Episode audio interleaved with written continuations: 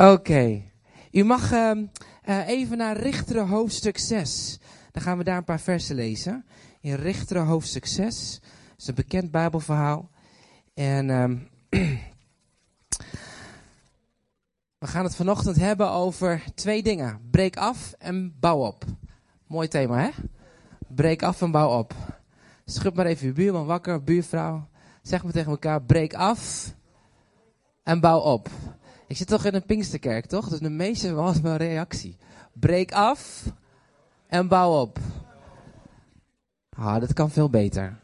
Breek af en bouw op. Schud elkaar even maar wakker. Zeg tegen elkaar, breek af. Breek af en bouw op. Ja?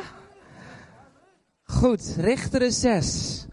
En dan gaan we lezen vanaf vers 24 tot en met 26. Richteren 6, 24 tot 26. En ik lees hem hiervan even uit het boek. Vond ik hem heel leuk, of mooi, wat, wat bijzonder vertaald.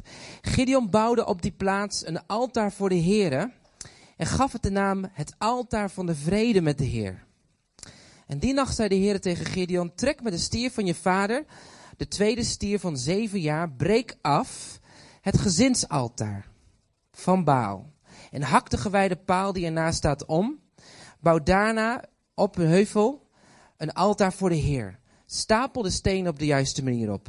Slag de stier en offer hem als een brandoffer aan God. En gebruik het hout van de gewijde paal voor het vuur op het altaar.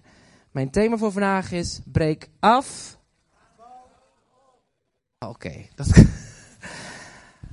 Kunnen we dat doen? 1, 2, 3. Breek af. En bouw op. Begint die te landen? Goed.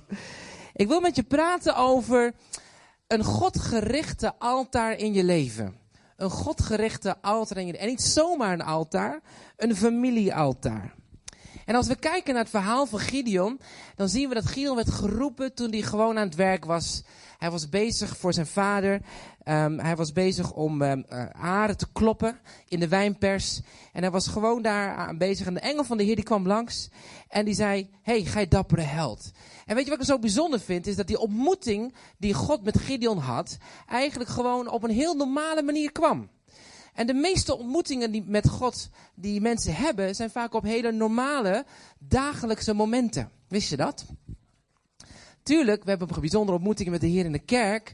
Maar God is zo'n God die zo intiem bewogen is met jouw dagelijks leven. Dat hij er alles op alles zou zetten om te komen op het punt waar jij bent. Is dat niet mooi? Dus God is een God van ontmoeting met jou. En we hebben allemaal die ontmoeting gehad. En daarom vieren we ook het avondmaal met elkaar samen. we hebben genoten van het feit dat we weten dat we bevrijd zijn en gered zijn. En die ontmoeting gaat heel diep. En in Gideons leven zien we het ook. Gideon heeft die, eh, gaat in gesprek met de engel. En God deelt het hart wat hij heeft voor, voor Israël. En, en, en Gideon zegt van, ja maar heer, dat is toch onmogelijk. Wie ben ik dat ik dat kan doen? En God zegt, gij dappere held. Wees niet bang, ik ben met je. En dat hele dialoog wat zo doorgaat, leidt dan op een gegeven moment tot een punt dat Gideon in één keer tot ontdekking komt van, oh, ik heb met God gesproken. En weet je wat nou zo mooi is? Heel veel, of heel vaak, zien we dat God bezig is gewoon om mensen te bemoedigen, als het ware achterna te jagen in zijn dagelijkse context van een mens. En in één keer komt het de conclusie, oh, maar wacht even, dat is de Heer. En zo was het ook in Gideons leven, ook zo. Um, wanneer we dan op een gegeven moment beseffen wie we hebben ontmoet, dan in één keer zien we een soort verandering in het hart. En dan gebeurt er iets van, ja, maar ik wil niet meer langer voor mezelf leven. Ik wil leven voor Hem. En Paulus zegt het ook. We leven niet meer voor onszelf, maar voor de glorie van de Heer. En dus, we zien hier een omdraai in Gideons hart en zegt in één keer, oh wacht even, nee, ik, ik heb God ontmoet van, oh, oh, eigenlijk ben ik het niet eens waard om bij hem te zijn. En dan gaat Gideon een altaar bouwen voor de Heer. En de Heer die geniet daarvan, van dat altaar. En op een gegeven moment, als die overgave aan God komt, dan zie je in één keer dat God als het ware Gideon vrijzet voor de roeping en de bediening voor zijn leven. En dan lezen we dan in vers 24 dat God geniet van het altaar. En dan in één keer zegt God iets heel bijzonders. En hij zegt van, joh Gideon, luister één ding. Voordat je uitgaat in de roeping die ik voor je leven heb, breek af het altaar van je familie. En bouw eerst een nieuw altaar op. Dat is interessant. Waarom zou God dat doen? Nou, ik dacht, daar wil ik het over hebben. Hij zei, breek af de altaar van je familie en bouw dan eerst een altaar voor de Heer. En dan word richter voor het volk. Breng dan mijn volk, of richt mijn volk. Nou, wat is een altaar? Een altaar kennen we denk ik misschien wel een beetje. Het is vaak een, eh, een tafel van hout of van stenen, uh, waar rituele handelingen gedaan worden, zoals het brengen van offers aan verschillende goden. Altaar is een plaats of een plek waar mensen vroeger offers brachten om te aanbidden wat voor hen belangrijk was. Um, het was een vast ritueel met specifieke gebruiken, wat veel tijd, energie en aandacht kostte. Het functioneerde als een soort connectiepunt van overgave en ook dankbaarheid aan hun God. En waar men God kon ontmoeten. Meestal de God waar ze dan gingen aanbidden. En de hele familie, in een familiealtaar, deed daaraan mee. Nou, ik weet niet of u wel eens geweest bent in Indonesië, naar Bali. En mijn allereerste keer dat ik in Bali kwam, dacht ik bij mezelf, ik stapte vliegtuig uit en ik weet nog dat ik echt een knal in mijn, als het ware tegen mijn hoofd aan kreeg. Ik denk, wat is hier aan de hand? En uh, niet vermoedend liep ik daar met mijn, met mijn slippertjes en mijn mooie korte broekje en een zonnebrilletje op. Loop ik daar als Christus zijnde, totaal niet in de gaten hebben dat daar mega grote altaren stonden. Met grote demonen aan de kant. En ik denk, wat de hek is hier? Ik denk, wat ben ik nou beland? Niet, niet weten dat Bali betekent ook gewoon eiland van de goden. Dat kent u denk ik wel.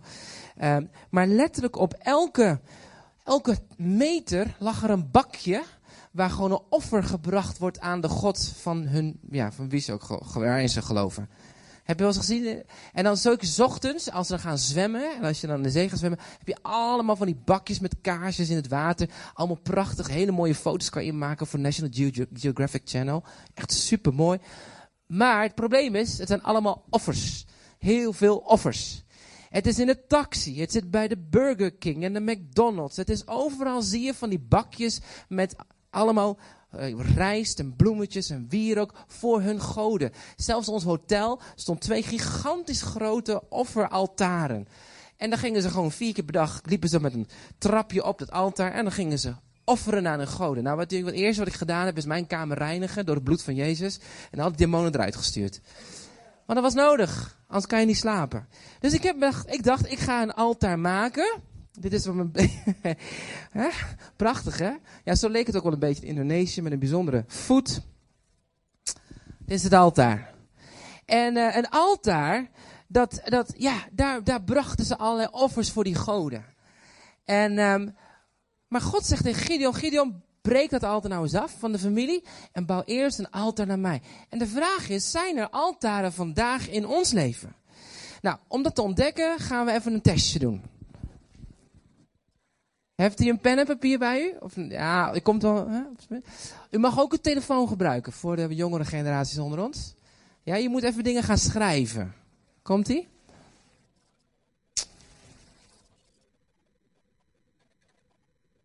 Dus um, het is moeilijk om te onthouden. Dus ik probeer, hoop dat u kan schrijven of dat u het ergens op kan schrijven. De meeste van jullie kunnen schrijven of op, een, op de telefoon mag ook.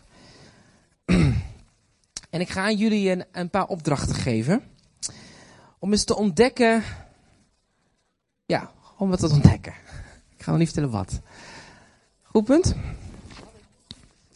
En de eerste opdracht is dat je vijf dingen moet opschrijven, een top vijf, waar je meeste tijd aan spendeert. Oh, top. Maar dat mag dus geen werk zijn. Dus een normale 8 uur werkweek is, normaal 8 uur per dag werkweek is oké. School is ook oké, dus dan mag je dan niet schrijven. Maar alles wat boven de normale standaard is, dat, dat mag je dan wel schrijven. En je mag niet slapen noemen. Dus ja, snap je wat ik bedoel? Dus je schrijft op top 5 dingen. Buiten om je werk, school en slapen. Uh, waar je het meeste tijd aan spendeert. Nou, als je zeg maar 15 uur per dag slaapt. Oké, dat is wat anders. Dan moet je dat misschien wel opschrijven top 5 dingen waar je het meeste tijd aan spendeert. Yes? En de tijd loopt. Je krijgt één minuut. Borstvoeding. nee, grapje. Schoonmaken. Waar spendeer je nou het meeste tijd aan? Haarverven. Lego spelen. Muziek maken. TV kijken. Top 5. Yes? Nou, ik geef je nog een minuutje extra, want dat is, dat is ik kan iets langer denken.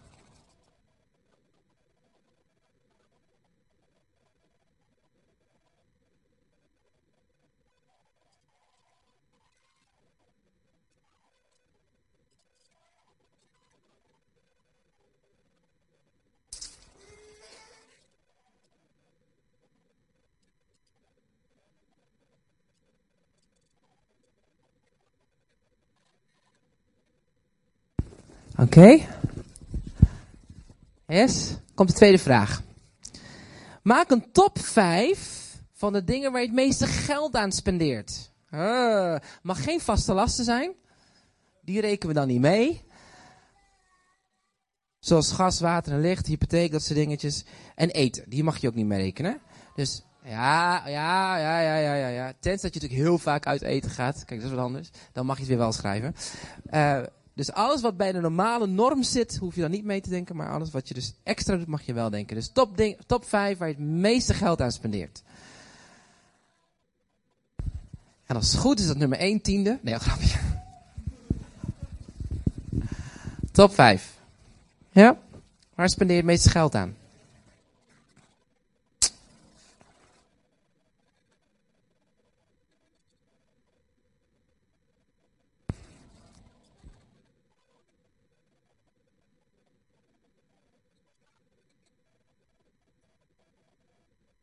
Leuk om over na te denken, hè? Ja.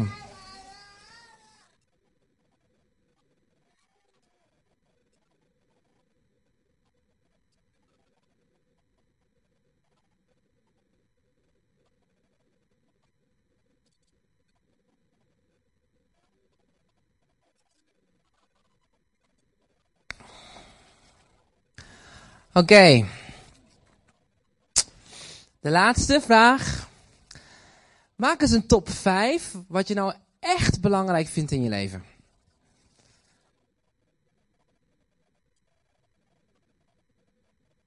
Wat staat op nummer 1? De dingen die je nou echt belangrijk vindt. Hm?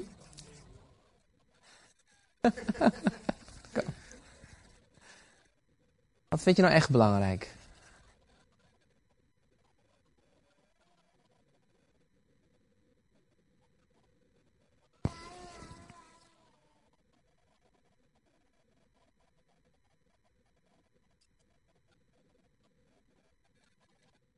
Goed.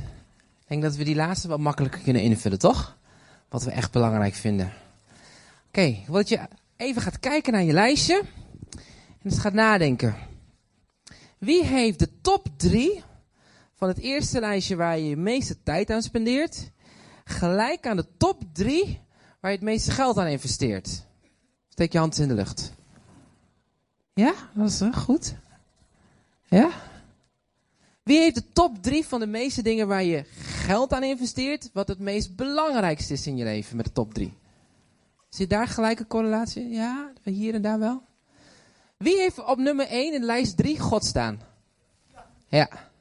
Wie heeft op nummer 1 uh, in lijst 1, waar je dus meeste geld aan spendeert, ook God staan? En waar je tijd aan spendeert? Ja, kijk, kijk, kijk, kijk, kijk.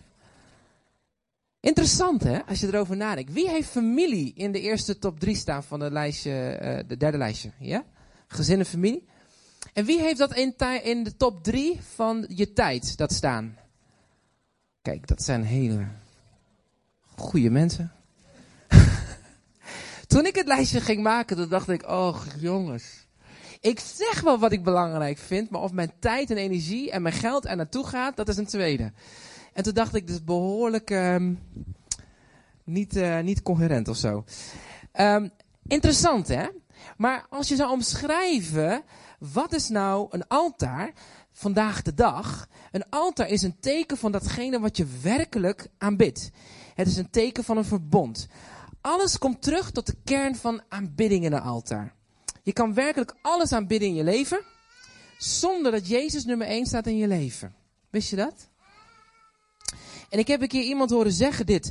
Um, the object of your most intense focus is what you truly worship.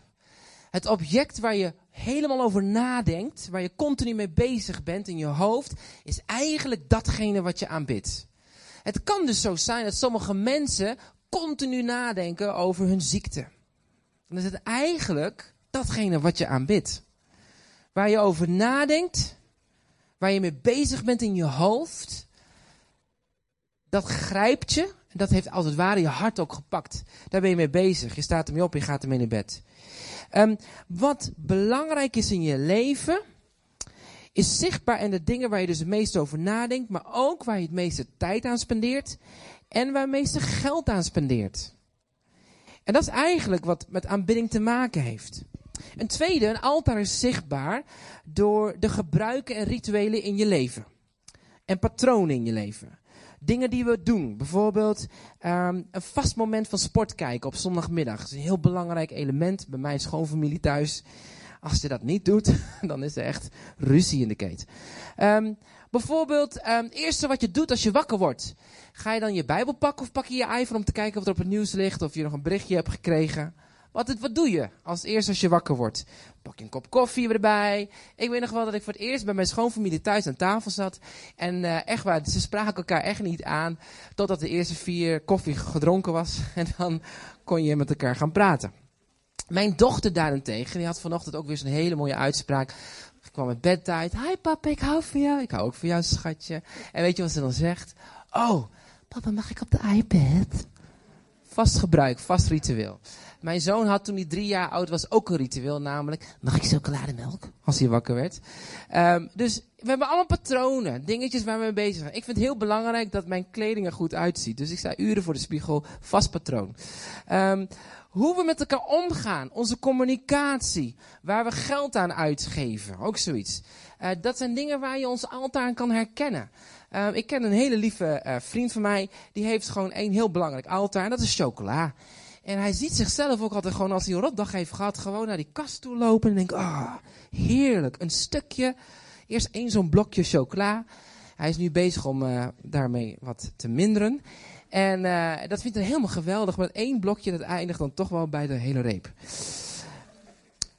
Dus een altaar is ook zichtbaar in de dingen waar we naartoe rennen op het moment dat we uh, ja, comfort nodig hebben, waar we vertroosting nodig hebben, waar we vervulling nodig hebben in ons leven. Um, wie kent het als je een rotdag hebt en je denkt bij jezelf, dan denk ik dat de vrouwen misschien meer denken, al wel tegenwoordig mannen ook, uh, van, ah, het is een beetje kakdag, ik ga even lekker shoppen. Sommigen niet. Ja, de jongere generatie die begint herkenning te zien, inderdaad. Uh, mijn andere dochter die vindt het als ze niet zo lekker vindt, mag ik een lolly? Dat is haar manier van comfort zoeken als ze huilt. Um, uh, misschien mannen onder ons. Je hebt een pittige dag gehad. Je denkt het is vrijdag. Oh, je hebt zin in een lekker biertje. Even lekker koud biertje. Lekker. Toch? Ja. Er is niks mis mee, toch? Nee. God schiep gerst. God schiep water. God schiep hop. Boom. En dat was gros. Weet je, dus waar je naartoe rent in je leven voor vervulling. Waar je geld en tijd aan spendeert en door je patronen van je leven herken je soms altaren die je hebt geplaatst in je leven. En God wil Heer worden van ons leven, toch? En hij vindt het belangrijk, we niet meer voor onszelf leven, maar voor hem. Maar dan zegt God van, joh, tegen Gideon, luister eens één ding. Het is bijzonder dat je je leven aan mij geeft, maar ik wil dat je nu naar je familie toe gaat en dat je dat altaar van je familie afbreekt. De vraag is, wat is een familiealtaar dan? Nou, er zijn ook drie dingen wat je daar kan ontdekken wat een familiealtaar is. En de eerste is, een familiealtaar ontdek je, dat is zichtbaar in wat werkelijk belangrijk is voor het gezin. Bijvoorbeeld, er gaat een groep uit Leef straks met zomer op zendingreis naar Aruba of zo. Indonesië. Hoeft eigenlijk niet dat Christian komt naar Nederland, hè? Um, maar goed, je gaat op zendingreis. En dan, en dan uiteindelijk, dan, dan, dan ga je praten met elkaar. En dan zeg je eigenlijk van, joh, mijn schat, luister even één ding. Uh, je moet wel eerst je geld verdienen, dat is veel belangrijker. En straks heb je school wat je moet betalen, daar heb je ook geld voor nodig. Ja, maar de Heer heeft gezegd dat ik moet gaan. Ja, sorry zoon. Ken je dat? Wat is nou echt belangrijk in het gezin? Um, goede opleiding. Uh, je best doen, hard werken. Ik ken gezinnen die enorm hard werken. Klaarstaan voor de ander conferentie hoppen, dat is ook een, kan ook een waarde zijn voor een gezin. Um, er zijn waarden die een gezin een gezin maken. Uh, belangrijke dingen die belangrijk zijn voor een gezin. Bijvoorbeeld dat je hoog opgeleid bent, want dat heeft, op dat heeft toekomst. Het is ook zichtbaar in de rituelen en patronen van een gezin. Bijvoorbeeld hoe je dagen gepland zijn als gezin. Samen luieren op, op zaterdag in je pyjama. Of juist heel vroeg opstaan, eerst de tuin schoonmaken, dan de auto. Dan zorgen dat je de vuilnis hebt weggebracht. En dan als het helemaal klaar is, dan gaan we lekker koffie drinken. Uh, weer anderen vinden het heerlijk om elke keer te uiteten. De anderen zeggen nee, we gaan geld sparen, want Dus we eten thuis. Um, verwachte aanwezigheid op feestdagen. Herken je dat? Dat is ook zo'n leuke. Met kerst. Ach man. En oud en nieuw helemaal. Dan zit je met familie die je nog nooit hebt gezien. Ja, één keer in het jaar met oud en nieuw. En dan moet je daar zitten. Hoe gaat het met je? En denk ik, hoe heet die man toch ook alweer? Nee, is erg hè? Maar die, ja, dat zijn die vaste, van die vaste prikken. Zijn dat. Uh, of elke zondag ga je wandelen. Ook iets, mijn ouders hadden het tik hè. Dan moesten we elke zondag gaan wandelen. Vreselijk. Um, of heel lekker veel eten. Ik, uh, ik, ik, mijn vriend, een vriendin van ons gisteren, we gingen lekker eten met elkaar. En ze had heerlijk gekookt. En dan kookt ze niet een beetje, maar ze kookt dan zo overdadig veel.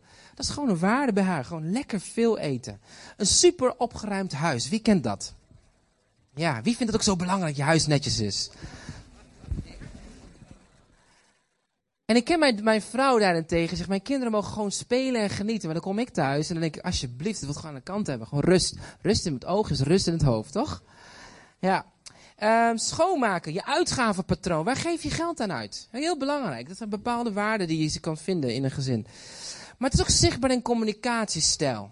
In sommige gezinnen um, ben ik eens binnengekomen en dan, dan zat ik binnen en dan kon ik gewoon niet meer luisteren naar het gesprek. Dat ging echt gewoon links-rechts, boem, boem. Dat is zo'n tennistoernooi. En de ene schreeuwde nog harder dan de ander. Ken je dat? Jullie geen last van? Vast niet. Maar als je naar huis komt met een gezin wat zo met elkaar schreeuwt en, en praat.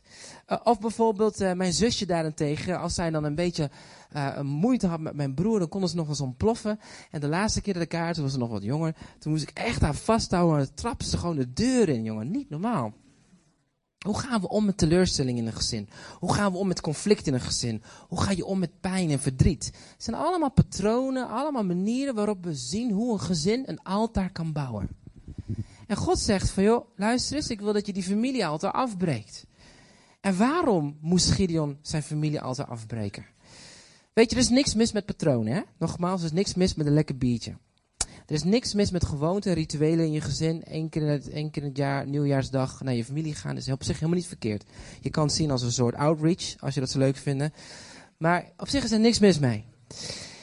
Weet je dat 95% van alle gewoonten en dingen die jij doet, gewoon onbewust zijn? Onbewust.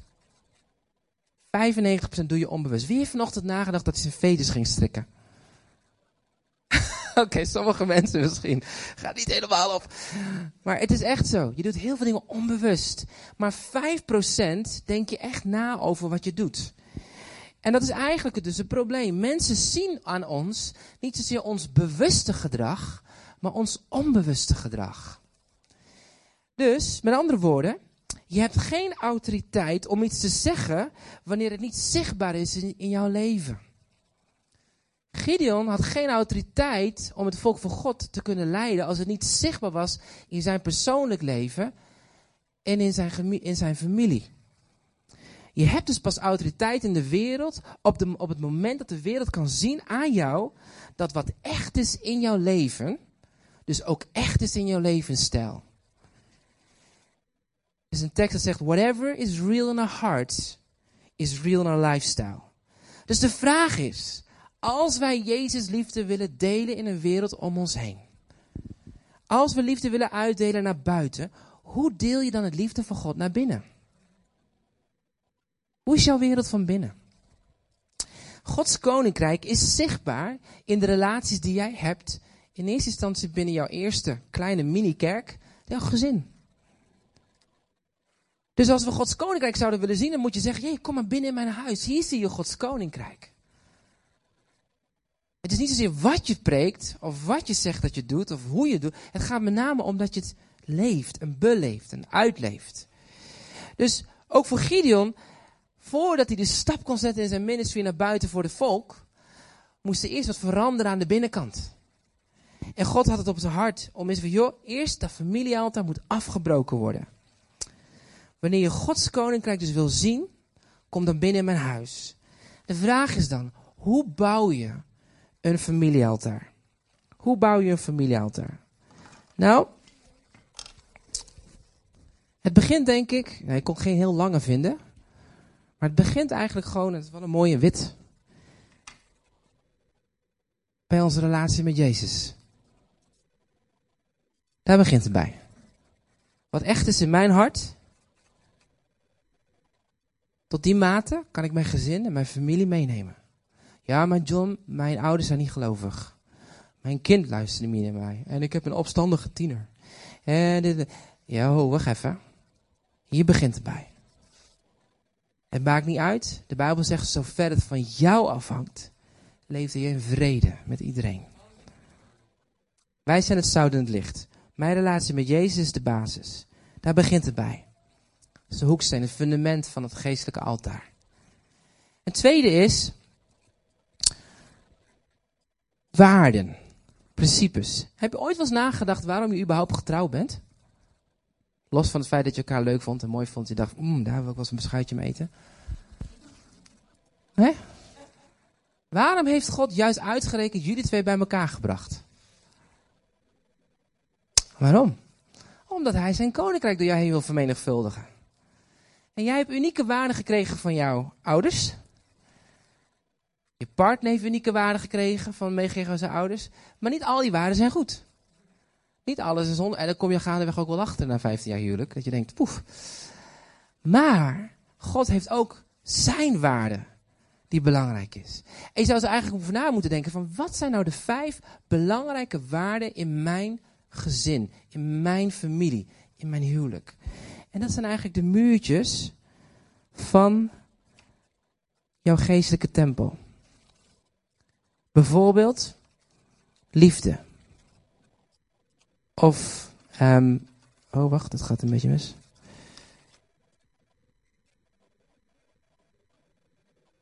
Liefde of respect. Of um, een andere waarde kan zijn vertrouwen, transparantie. Of delen. Kijk, mijn wekker gaat al, dat hij weet. John, je moet stoppen. Heel belangrijk, wat zijn de waarden? En dan komen we bij een ander punt. Hoe bescherm je nou de waarden die God jou gegeven heeft in je huwelijk, of in je relatie, in je gezin, in je familie? Nou, dat betekent dat je na moet gaan denken over twee dingen, over drie dingen, sorry. Allereerste, hoe leef ik die affectie uit in mijn gezin? Hoe leef ik die affectie uit? Oh, wacht, doe ik het nog goed? Welkom bij het bouwen, hè? Zo, daar komt hij. Affectie naar elkaar. Affectie onderling. Hoe toon je die waarde door je affectie naar elkaar toe? Als de waarde liefde is, en je toont dat doordat je um, eigenlijk zeg maar heel hard loopt te schreeuwen, dan kom je er eigenlijk niet uit, toch? Dus liefde en affectie. Een ander punt is commitment, toewijding. Hoe spendeer je nou je tijd met elkaar? Hoe, hoe ben je toegewijd aan elkaar? Wat ben je voorwaardelijk aan elkaar? Een familiealtaar, een familie, een gezin, een huwelijk, relaties onderling, vallen en staan bij toewijding aan elkaar. En dat betekent ook dat je tijd moet nemen met elkaar. Heel belangrijk is tijd nemen met elkaar. Ik denk dat ik mijn blokjes een beetje verkeerd heb neergezet. ik ga hem even iets anders doen, één seconde. Oh wacht, je kan het plaatje laten zien Meloes. Misschien is het makkelijk, dan hoef ik het ook niet uitleggen. Kan dat Meloes? Daar is hij. Hey. Scheelt hè? Dus die pilaren. Liefde, vertrouwen, begrip, respect. En hoe deel je dat dan? Hoe bewaak je die waarden? Doordat je die waarde uit laat komen in hoe je met elkaar omgaat. In hoe je de liefde toont naar elkaar toe. In hoe je verbonden bent aan elkaar, commitment hebt voor elkaar. Maar ook hoe je tijd spendeert met elkaar. En hoe beschermen deze waarden in onze communicatie? Nou, allereerst door hoe je omgaat met conflicten. Conflicten zijn natuurlijk heel niet prettig. Ik ben conflictvermijdend, kwam ik laatst achter. Um, ik hou helemaal niet van conflicten. Uh, maar conflicten helpen ons om te groeien in relatie naar elkaar toe. Alleen, ik denk dat soms conflicten soms ontaarden tot een soort wereldoorlog 3 of zo. Waarbij dus compleet dingen uit elkaar barsten. Maar God, God heeft ook hoe ja, conflicten die schuren en schaven ons aan elkaar om ons beter te laten zijn. En de vraag is, hoe gebruiken we conflicten op een goede manier? Dat het ons geestelijke altaar versterkt. Um, maar ook positieve communicatie. we hebben heel vaak gehoord dan in die, in die sessies over afwijzingen. Gisteren was ik nog bij een sessie bij Vrijs. Dan mocht ik als geestelijke leider was ik gevraagd om vergeving te vragen voor de kerk. Of eh, namens de kerk voor vrouwen die afgewezen zijn in de kerk. En, uh, en, ik, en ik was aan het luisteren en ik zat er te kijken denk ik, ongelooflijk dat soms één klein woordje van afwijzing zoveel teweeg kan brengen. En dat weten we. Maar weet je wat nou zo apart is? In onze gezin, in onze familie. Wanneer je nou echt je thuis voelt, en dat is het hele paradoxale aan het verhaal. Als je dus echt thuis voelt, wat gebeurt er dan? Dan ben je jezelf. En als je dan ergens boos over bent, wat gebeurt er dan? Dan plof je makkelijker bij degene die je lief hebt, toch? Ja, tenminste ik wel. Ik zou niet zo snel makkelijk hier ploffen of zo in de groep. Als er iets niet aanstaat. Dan doe ik meer thuis. Het ergste is daarvan is dat het meer destructieve is thuis. Als ik plof tegenover Tamara, dan doet het meer zeer dan dat het hier in de kerk zou gebeuren. Dat is heel raar, heel paradoxaal. En die communicatie is zo belangrijk in het bouwen van een altaar voor de Heer. Want het is niet alleen maar elkaar vrijzetten in de bestemming van God. Van ja, de Heer heeft een plan voor je, shabababa. Maar het is ook heel erg nadenken over van, hé, hey, maar wacht even, wat heeft God nou in jou gelegd? Wat jij misschien nog niet in jezelf ziet. En wat mag ik naar voren halen? Wat mag ik aanmoedigen? Maar wat mag ik ook spiegelen wat even niet leuk is? Communicatie. En het is meer dan alleen van, joh, de dagplanning op elkaar afstemmen. Communicatie is van, hé, hey, hoe eer ik jou? Hebben we een, een communicatie, een cultuur van eer en van respect? Aan je ouders. Hoe eer je je ouders door je woorden? Hoe, eer je, hoe, hoe, zegen je kinderen? Hoe zegen je ex-man die je niet vaak ziet? Of praat je negatief over hem te bijzen van je kinderen? Woorden hebben kracht, dat weten we. Dus ik hoef er niet over uit te breiden, maar het is een heel belangrijk punt in jouw geestelijke altaar. En als laatste, daarbovenop staat spiritual commitment. En die heb ik onderverdeeld in zeven stappen. Allereerst, wat is die geestelijke toewijding die je dan maakt als altaar? Nou, allereerst, samen Gods woord ontdekken. Zeg ik dat? Samen Gods woord ontdekken.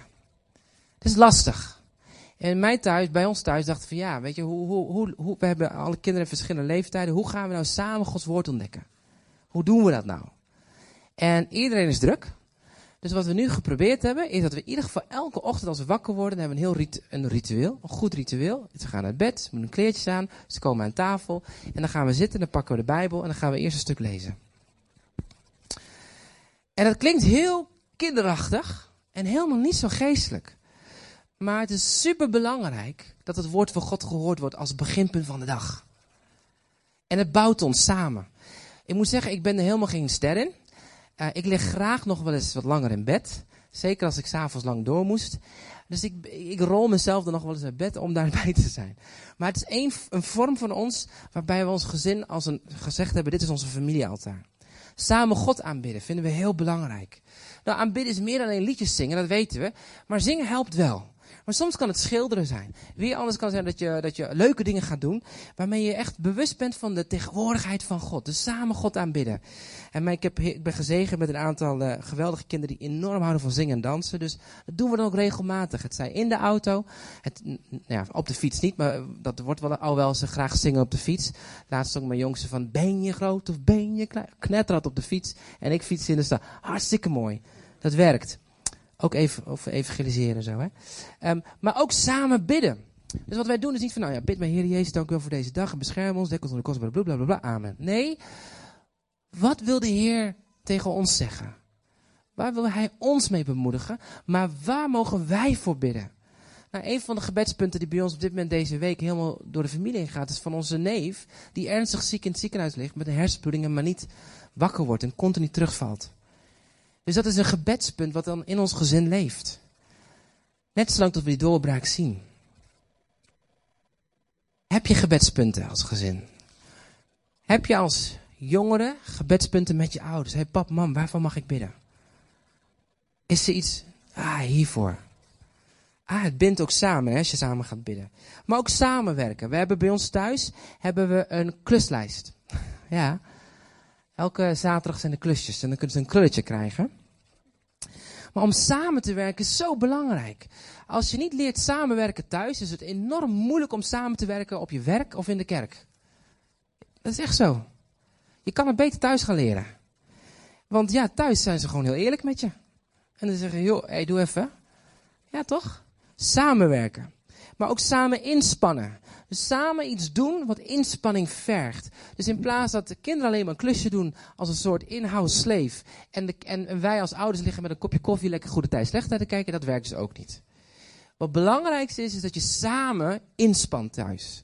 Dat betekent samen het huis onderhouden bijvoorbeeld. Samen je tuin schoonmaken. Het is niet alleen maar een klus voor je vader. Nee, nee, nee. Het is voor het hele gezin. En waarom is het zo belangrijk? Omdat in het midden van je werk, zoals Deuteronomium 6 zegt, daar is wat je leert en leeft, het koninkrijk van God. Als je opstaat, als je nederligt, als je gaat onderweg, dat zijn de momenten waar echte connectie plaatsvindt, samenwerken. Inspanning en ontspanning, maar ook samen gasvrij zijn. In plaats dat als ouders je zegt van nou, we gaan vandaag Arenda en Colino uitnodigen. Arenda is jarig geweest en ze komen langs. Nou, krijgen we alweer bezoek. Vreselijk. Maar wat je ook kan doen is dit. Van, hé hey, kinderen, we gaan over naar Arenda en Colino zijn komen langs. Zullen we even de Heer vragen? Hoe we hun kunnen zegenen. En dan ga je stil zijn. En dan zul je verbaasd staan dat God kan spreken door de jongste. Hè? En dat hij kan zeggen, ik denk dat Carlino wel een worteltje staart lust. Geen idee, hoor. idee. En dan maak je en dan blijkt het warempel. Hij houdt van worteltjes staart. Carlino hou je van worteltjes staart? Nee, dat dacht ik al. Maar, maar zo vaak hebben we meegemaakt, doordat je bewust bent met elkaar samen als gezin. En stil, hoe kan je gastvrij zijn? Hoe kan je een ander zegenen? Mijn zoon had op een dag allemaal dubbele Cars-autootjes. Ken je dat, Cars? Ja, voor de ouders. Super tekenfilm. Um, Cars-autootjes. En toen dacht hij met, met, met kerst, weet je wat? Ik ga al, de dubbele ga ik apart ga ik verpakken en die ga ik uit. Want we hadden hem geleerd over dat Jezus kwam. Dat God ons een cadeau gaf door middel van zijn zoon het eeuwige leven aan ons gaf. En hij dacht, ik ga die cadeautjes inpakken. En hij gaf dus op kerst, gaf hij ieder neefje een dubbele, van zijn dubbele autootjes, gaf hij eentje weg. Nou, dat klinkt maar heel klein. Weet je wat zo mooi is? Dat is een waarde die je leert. Als je al twintig bent, of je studeert, en je bent ergens in Leiden actief. Hoe kan je gastvrij zijn voor jouw medestudent? Hoe laat je je liefde zien aan degene die een beetje eenzaam zit? Die geen vrienden heeft? Hoe zegen je de ander? Hoe zijn we gastvrij? We kunnen als gemeente roepen dat we gastvrij zijn, maar als je dat niet leert van binnenuit, wordt het lastig naar buiten. En de laatste is samen uitreiken naar mensen om je heen. Nou, wij hebben nu een punt gekomen dat we zeggen van nou, we hebben kluslijstjes is goed, maar nu gaan we wat anders doen. We gaan nu klusjes doen voor iemand anders. Nou, dat is een idee wat nu aan het groeien is. We zijn nog lang niet zo ver. Maar ik geloof dat in de mate van wie je bent en in de, in de leeftijd van waar je zit, dat jij in staat bent te kunnen uitreiken naar een ander toe. Maar dan heb je al die zeven dingen al van binnen toegepast. En dan komt het evenwichtig naar buiten. En daarmee bouwen we ook een geestelijk altaar thuis. En wat is het geestelijke altaar in een notendop? In een notendop is dit. Ik leef niet meer langer voor mezelf, maar ik leef voor de glorie van de Heer.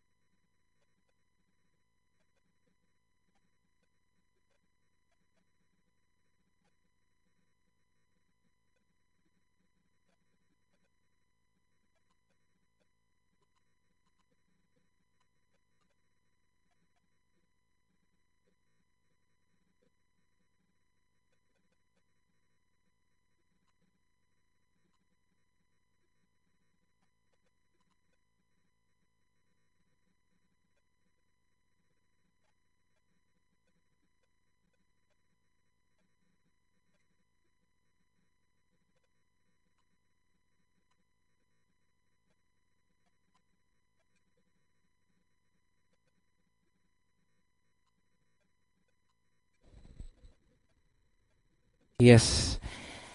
Ik bouw dat altaar wat van mijn familie is, wat belangrijk is, dat wil ik onder loep gaan nemen. Niet alles is fout. Niet alles is verkeerd.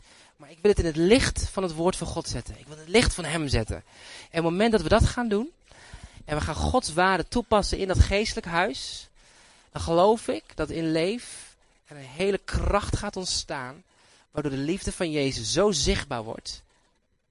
Het niet, dat, eigenlijk is deze, deze kerk al te klein, maar dat het heel snel heel erg te klein is. Amen. Zullen we gaan staan? Gaan we afsluiten.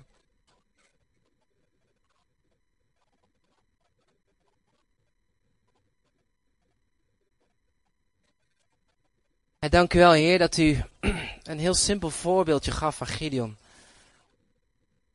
En het was lastig, want Gideon zei, Heer, maar ik durf, ik durf dat niet uh, te doen in het openbaar. Hij deed het maar in de nacht, want dan kon niemand zeggen tegen hem.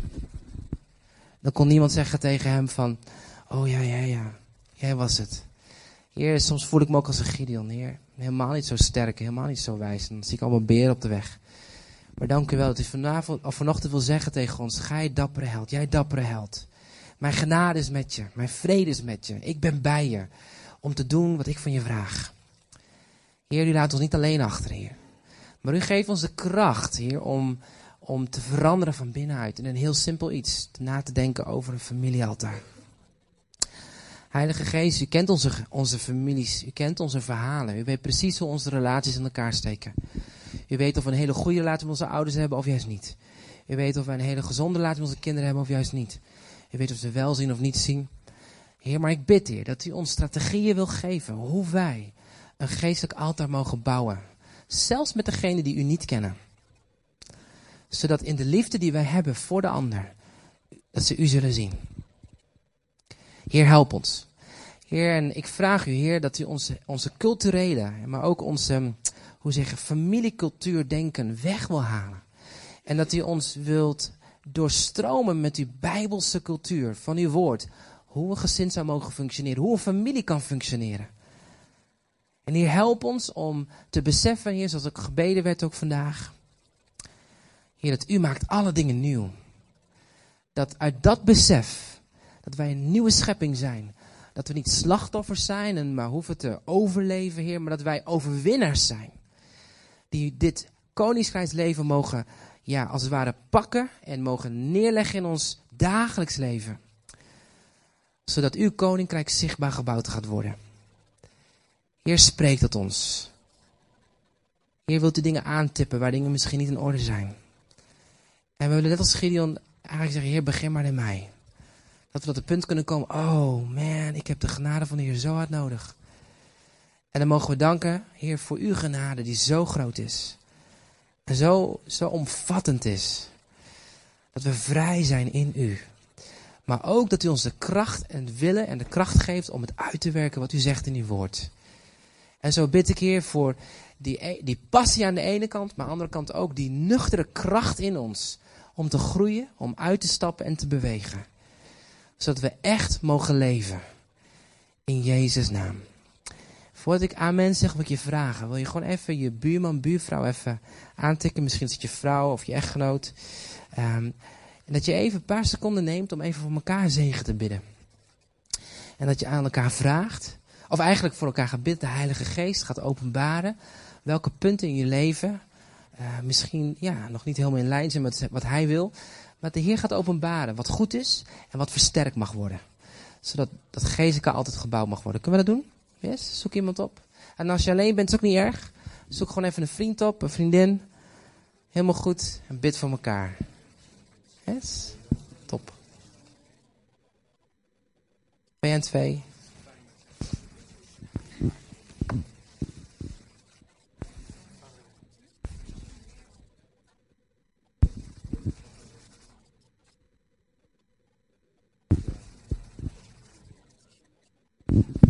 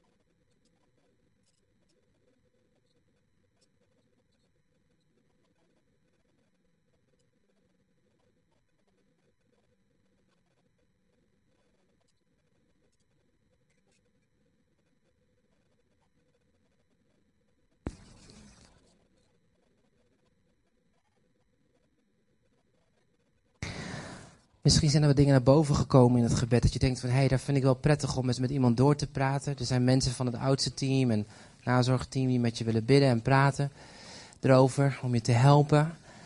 Um, weet je, we hebben er gewoon naast je staan. Want we weten allemaal dat het, we vallen en staan weer op. We hebben de genade van de Heer, hebben elke dag hard nodig. Um, maar, maar laat het niet voorbij gaan om deze week er gewoon eens over na te denken. Om wat dieper met jezelf mee bezig te gaan. Hé, hey, hoe zit het bij mij? En ik wil erin aanmoedigen. Want ik geloof dat God binnen de gemeente krachtige gezinnen wil maken. Um, en die zijn er al. Alleen soms hebben we een beetje een bagage van vroeger. Die mogen we afleggen. Dat we in die vrijheid stappen. En dat we mogen worden zoals God ons bedoeld heeft. Amen. Um, de tieners. Um, Jonathan wacht bij je de deur. Uh, jullie hebben als het goed is een berichtje gehad van Jonathan via de mail. Dat uh, zo even lekker napraten met elkaar. Dus als je zeg maar tussen 12 en 18 mag je bij de deur verzamelen. Ga je met Jonathan mee. Die uh, zal even wat leuks doen straks. Dankjewel, uh, John. Ik denk dat dit een bijzonder woord is van de Heer ook voor ons vanmorgen. En soms is het ook zo goed om dit niet los, niet zomaar te laten varen. We hebben een aantal thema's die God ons gegeven heeft dit jaar. Ik geloof dat de Heer er echt wat mee wil. Hoe gaan we om met de liefde van Christus naar elkaar toe, zodat andere mensen Jezus kunnen leren kennen, maar dat begint natuurlijk ook in het gezin. En ik denk dat vandaag daar ook duidelijk een boodschap over geklonken heeft. En wat zou het nou mooi zijn als ook in, in onze kringen, hè, leefgroepen, we daar nou eens verder op doorgaan praten en gaan spreken. Van hoe kunnen we daar nou meer over nadenken en daar ook plaats voor maken in ons leven. En dat we ook als gezinnen echt ook een, altaar voor de Heer zijn en hebben. En daarover na kunnen denken om de Heer daarin zijn plaats te geven die hij, waar, hij, waar hij recht op heeft, die hem toekomt. Ik ben bijzonder dankbaar voor het woord van morgen, bijzonder ook dankbaar voor geweldige muzikanten van morgen, dank u wel. Doe de hartelijke groeten aan de gemeente, de, de EGZ. En dan straks is er koffie drinken, dat, dat is ook ergens voor. Het is niet alleen voor de koffie, ah, is natuurlijk wel lekker. Maar het is ook om elkaar te ontmoeten en elkaar even te groeten. En misschien uh, ja, even aandacht te geven, een bemoediging te geven, links en rechts, daar is het ook voor. Om even samen ook die liefde van, van, van Christus door te geven. Op zo'n moment waarin je elkaar dan even ontmoet na de dienst. Dus heel belangrijk, maar geniet er ook van. En de Heer zegen jullie allen. En we zien elkaar binnenkort weer, volgende week in ieder geval. Maar misschien ook in het midden van de week, als je weer samenkomt met anderen. Gebedsdienst of de kring. Ontmoet elkaar in de naam van Jezus. En deze getuigen naar deze wereld. Gaan een slotlied zingen.